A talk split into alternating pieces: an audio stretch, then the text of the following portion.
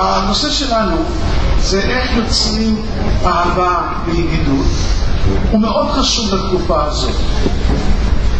לא עלינו, בעצם זו הייתה צריכה להיות תקופה של שמחה שבין פסח לשבועות. כאין חול המועד. והנה, כיוון ש-24 אלף תלמידי רבי עקיבא לא עלינו נפטרו בתקופה הזאת, אז אנחנו מצטערים על כך. ולכן לא נלכים ספחות, חתונות. חושבני, אני מבקש להתחיל בדבר שהוא ברור למה שאני חושב.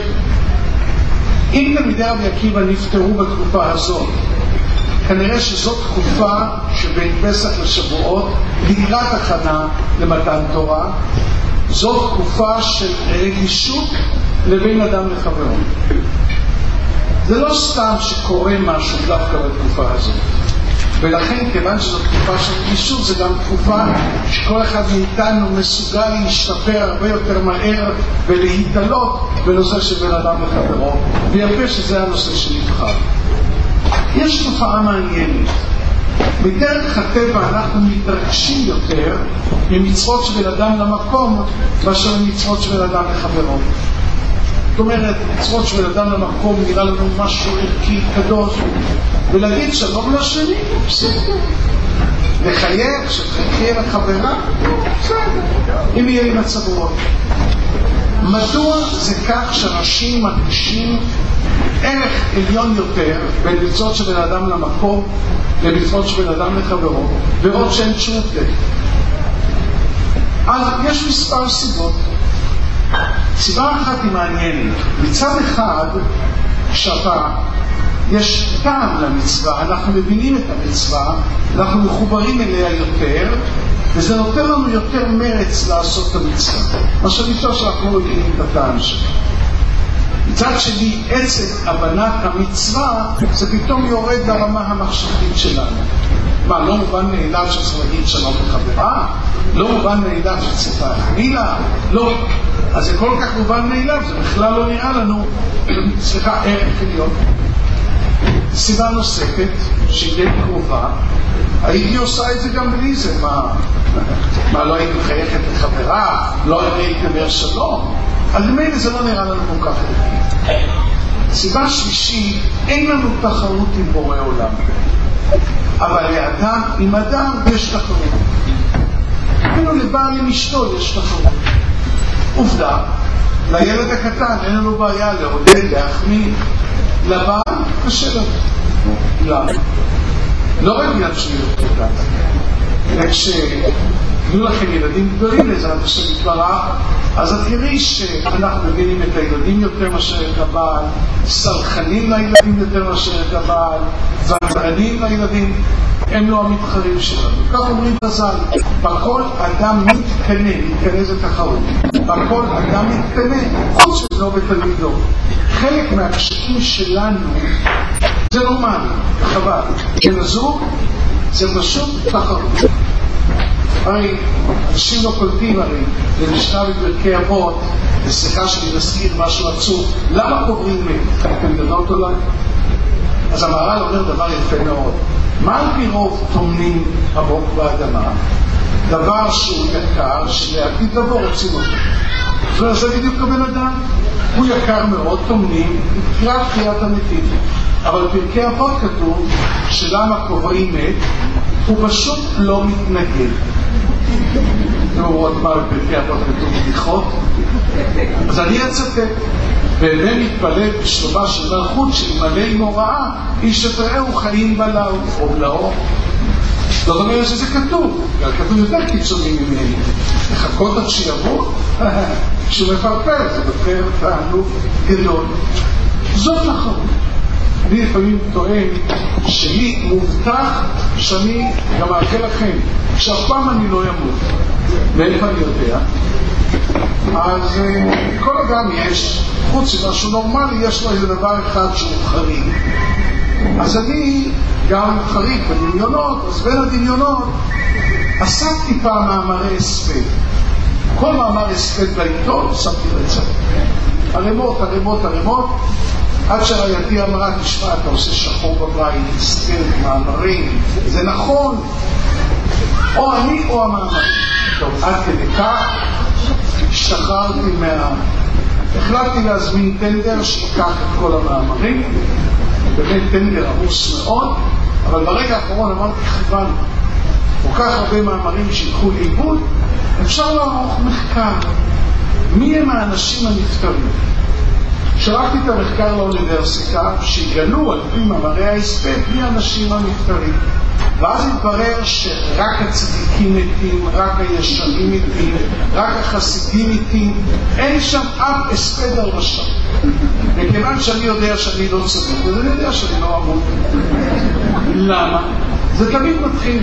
למה לא עלינו כשמישהו נפטר, איזה צדיק, איזה נחמד, איזה עדין, איזה...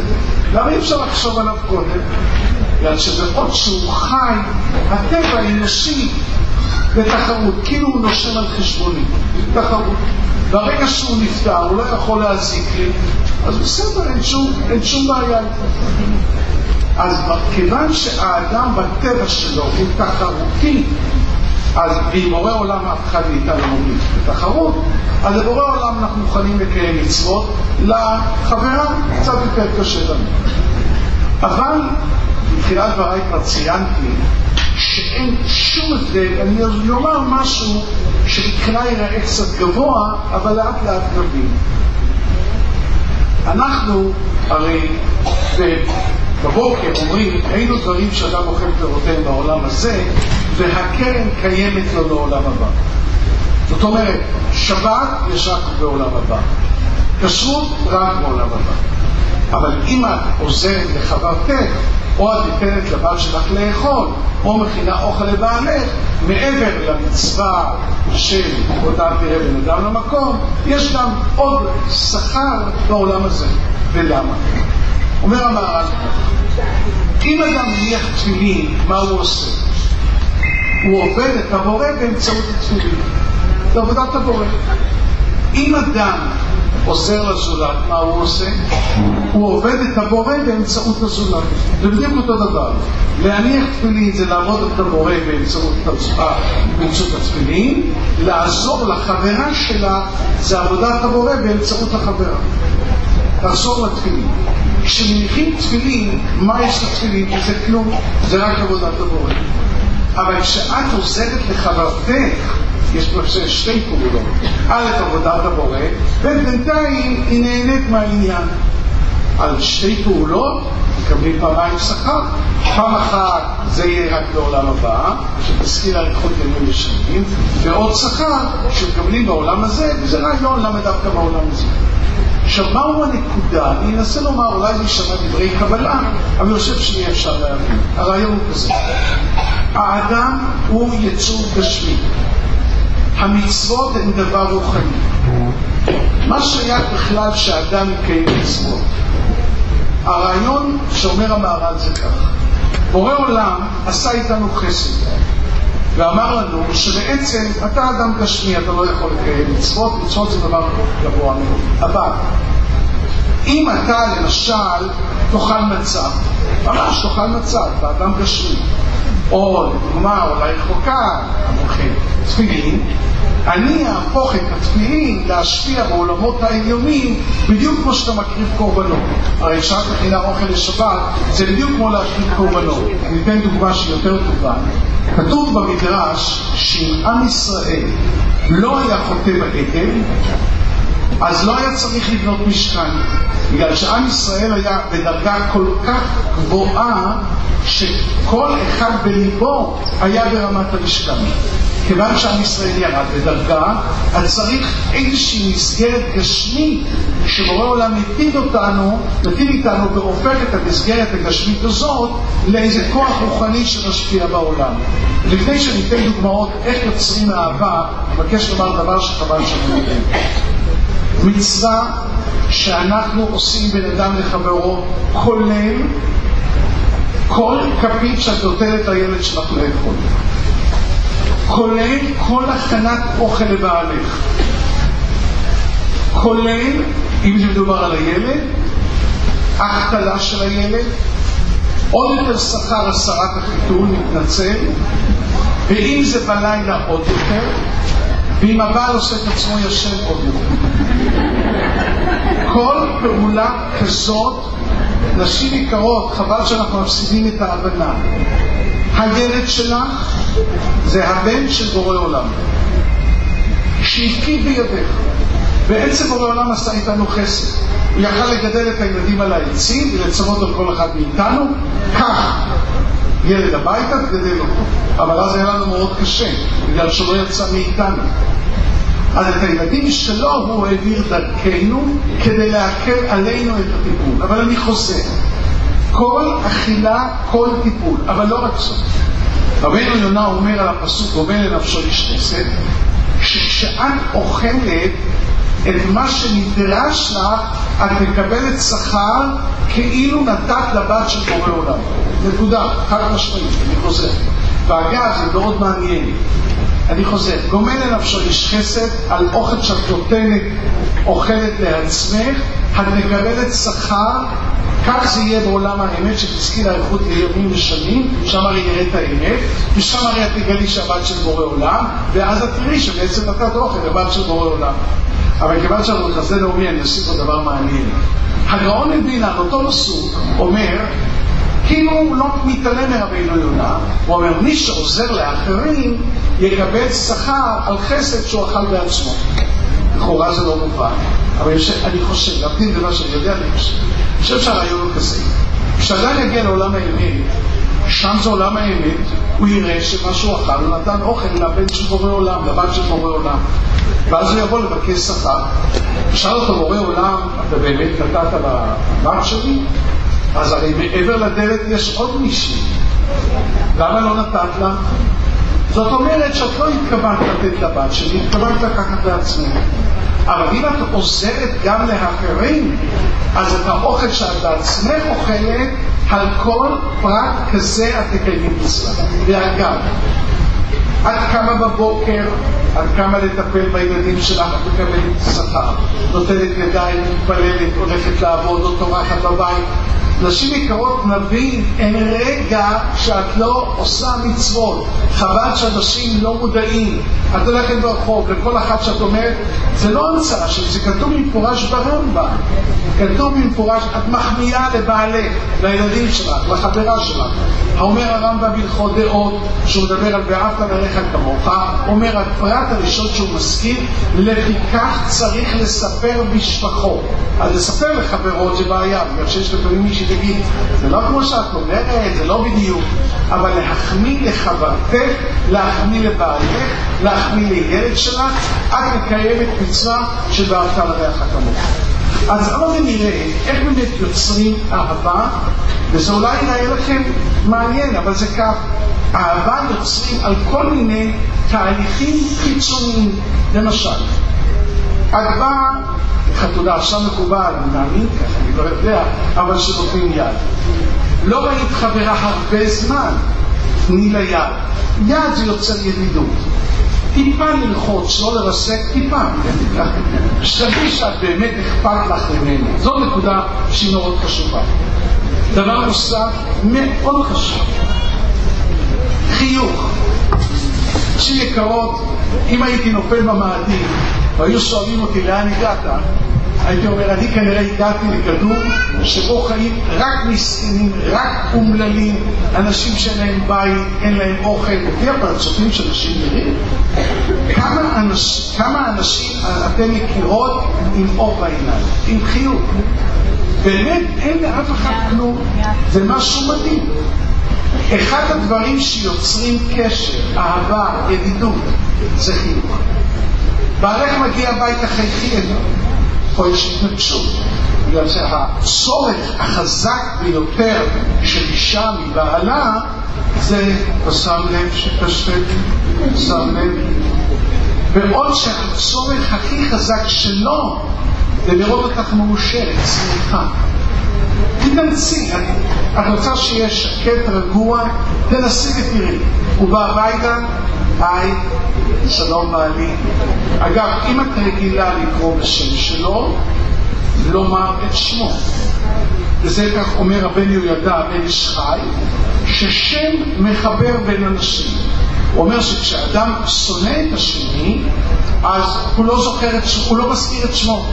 כאשר שאול כועס את דוד, הוא שואל את יהונתן, מדוע לא בא בן ישי אל הלחם? לא אומר מדוע לא בא דוד אל הלחם. לא מזכירים שם. כשכלב מנסה להרשות את העם ולתת להם תחושה שהוא איתם נגד משה, אז תראנה ברש"י, הוא אומר מדוע הרג זאת עשה לנו בן אמרם ואז זה נקלט, אה, הוא אפילו לא מזכיר את שמו, אז כנראה שהוא באמת איתנו ונגד משה. אז אחד הדברים החשובים, את רואה חברה ברחוב, את יכולה להגיד לה שלום. את יודעת את שמה? שלום רבקה, שלום שרה, שלום אהובה, שלום יפה, שלום אילנה. תזכירי שם ואת תראי שלאט לאט נוצרת אהבה בין החברות.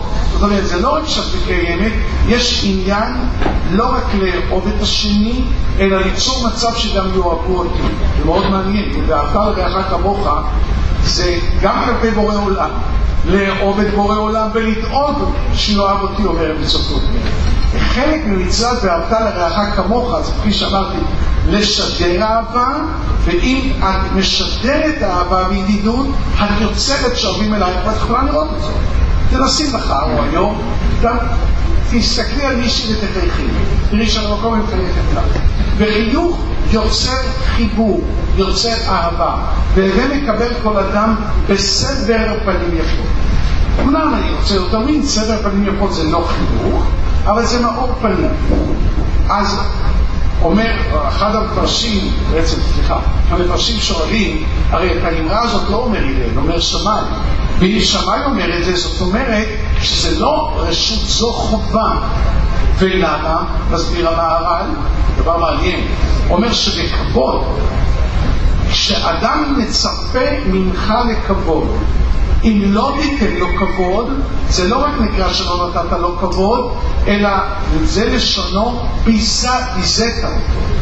חברה יקרה, כל חברה שאת פוגשת מצפה שתתני לה הערכה, והיא בוחנת אם את מעריכה אותה על פי הבעת הפנים. אם אומרים לידה איזה מין מבט, בגלל שיכול להיות שזאת שעשתה את זאת היא מעורערת בחשיבתה. לא עם עין, כן? אין. פשוט היא חושבת עכשיו על משהו. תמיד תמיד חייכי לכל חברה, בטח כפי שאמרתי לבעלך, זה משדר ויוצר אהבה, כך אומר, ה... כך אומר האורחות צדיקים, ויקבל כל אדם בשמחה ובסבר פנים יפות, כי הסברת פנים תחזק אהבה. אדם מסביר פנים לחברו, ליבו נוטה אליו לאהוב אותו. אני אומר דבר שזה לא קל לי, אבל זה לתועלת. הזכרתי קודם שהצורך העיקרי של אישה לבעלה זה שתסכים איתי שקשה. מה לעשות שהצורך הכי חזק של בעלך ממך זה לראות אותך שטוב לך, שאת מאושרת, ספרי לי שאת נהנית, שאת רצון, שהצלתי את חיי, שבלעדיי לא היית חיה, שמתם לב בדיוק סותר. עכשיו, אחד הדברים שנשארו לבעלך מאימא שלו, והוא מחפש פח את אימא שלו, זה שאימא שלו תמיד קיבלה אותו בחיוך, במאור פנים. ומפריע לו שאת לא מקבלת אותו במאור פנים. ואבקש לומר יותר מכך, זה לא נוח, אבל יותר מכך. כתוב אסתר ירקרקת הייתה. אני מבין שזה משהו לא מן הנוי. לפי התחפושות, אני לא רואה שהייתה ירקרקת. אומרת הגמרא, אלא שחוט של חסד משוך על פניה. אומר המהר"ל, מה זה חוט של חסד משוך על פניה? חסד זה קשר, אהבה. אומר המהר"ל, היא כל כך אהבה את סביבתה, עד שזה קרה מעם פניה והיא נראתה יפה. ואני אסביר את הרעיון פשוט, גם מבחינה אמיתית. פנים זה מבנה פנים בהבעה. הרי כשאדם עצוב נראה מכוער, כשאדם שמח נראה יפה. ותשקיעי מאמץ מעבר לצורך שלך שבעלך יבין שקשה לך, כשאת יושבת מול בעלך, חייכי, תאירי פנים, תראי שהמצב רוח שלו משתפר, ולא רק, צריך להבין שאדם במצב של שמחה, יש לו נכונות רבה מאוד לסייע ולעזור. וכשהוא במצב של עצב, יש לו פחות. אז הרבה פעמים אישה שרוצה עזרה, משגרת לו מצוקה. אז הוא רוצה שקט, בסדר, לכי, תעזבי, אני אעשה את זה. העיקר להתפטר ממך, גמרנו, נבדוק. זה טעות עצומה. עדיף לעשות בדיוק הפוך. כשאנחנו מבקשים, נבקש עם חיוך, ואני מתנצל, גם תיראי, עם כל הקושי לומר, לבעלך הרבה יותר יפה. הוא לא מבין בכלל ביופי, ברוך השם, אבל הוא מבין בחן, במשהו שמקרינים אליו, ואם את מאירה לו פנים, זה נראה לו, וזה גם מוסיף על הבא, לפי מה שאומר, לפי מה שאומר האורחות צדיקים. דבר נוסף שהזכרנו כבר קודם, לשבח יוצר, אנחנו מתחברים למי שמעריך אותנו. אז אחד הדברים שאני משתמש בהם ושאני יכול לשאול גבר, תגיד לי, אתה מחמיא לרעייתך? הוא אומר לי, כן. על מה אתה מחמיא לה?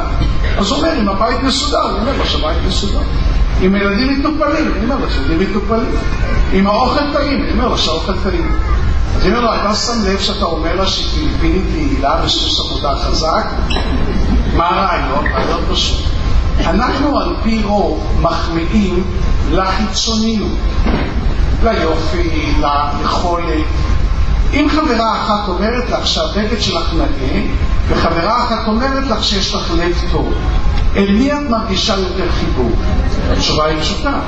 לכן תחמיא לבעלך על הכל, אבל בעיקר על האישיות הפנימית. על מידות טובות, על ותרנות, על סלחנות, גם אם הוא לא מוותר וגם אם הוא לא סולח, עכשיו הוא יוותר ויסלח. זה כתוב. זה כתוב. אם את רוצה להביא אותו לכך שיהיה ותרן, ככל שתתקפקפי לו יותר, איי, אתה ותרן, אתה סלחן, אז הוא באמת יהיה ותרן, בגלל שאם אנחנו נגיד לו, אתה אף פעם לא מבקש סליחה, אתה אף פעם, אז הוא ימשיך אף פעם לא, וזה חבל מאוד. אגב, אחד הדברים שקורה, שאם הגבר אי פעם כבר מבקש סליחה, אז אישה אומרת לו, אה, נזכרת, עכשיו, הוא עד שהוא נשם עמוק, ועד שהוא ביקש, ממש קוצר נשימה, אז היא, הפוך, בעלך פעם בטעות ביקש סליחה, תשים לו מזה עניין, תעניקי לו מתנות, מה קרה? הרב שמחה כהן אמר שגבר שאומר לבקש סליחה הוא מלאך, אני ממש מאושרת שאני חיה עם מלאך. טוב, על המקום הוא יפגע בה ויבקש אותם סליחה כדי שאותו תביא לו מתנות. אבל זה הכל כדאי, וזה דבר שיכול אה, ממש אה, להוריד. נשים יקרות, הנושא הוא ארוך, אבל צר לי מאוד. עוד נקודה אחרונה, בעיקר הקשבה. ולמה? לא מרוע לב ולא ממידות רעות, לנשים אין בעיה לדבר יחד. אין בעיה. לא, לא, אני לא נוהג. אדרבה, הם רואים בזה חלק מהשותפות.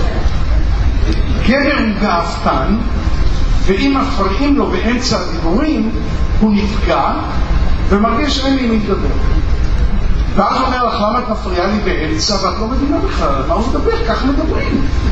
מה לעשות, אני חוזר, את רוצה בעלך לדבר, תני לו לדבר עד הסוף, הנהני בראשך, גם אל תמשכי כתפיים לפני שהתחיל לדבר עליכם. זה, לא, זה לא קשור להסכמה. ככל שתקשיבי לו יותר, הוא יותר יתחבר אלייך, ואחרי זה הוא יקשיב למה שאת עונה לו. אין שום בעיה, אני אתן אפילו פטנט יותר טוב. נגיד שיש איזה דיון, יש ויכוח. הוא אמר את דברו, את מהנהנת בראש, לא מהר, מהר מדי סיפור כבר. את מהנהנת בראש, הוא סיים, תני לו לסיים ממש, תרשה לי לחזור על דבריך כדי שדע אם הבנתי אותך נכון. עכשיו, לא רק הקשב, עוד את חוזרת אל דבריו, עכשיו תוכלי להשיג את מה שאת רוצה. שהשם יתברך ייתן לכולנו מעט עבודה והרבה פרנסה, שכינה בביתנו, גם קריאת ים סוף, גם ביזת הים, להצלחה בכל דבר טוב שאנחנו עושים.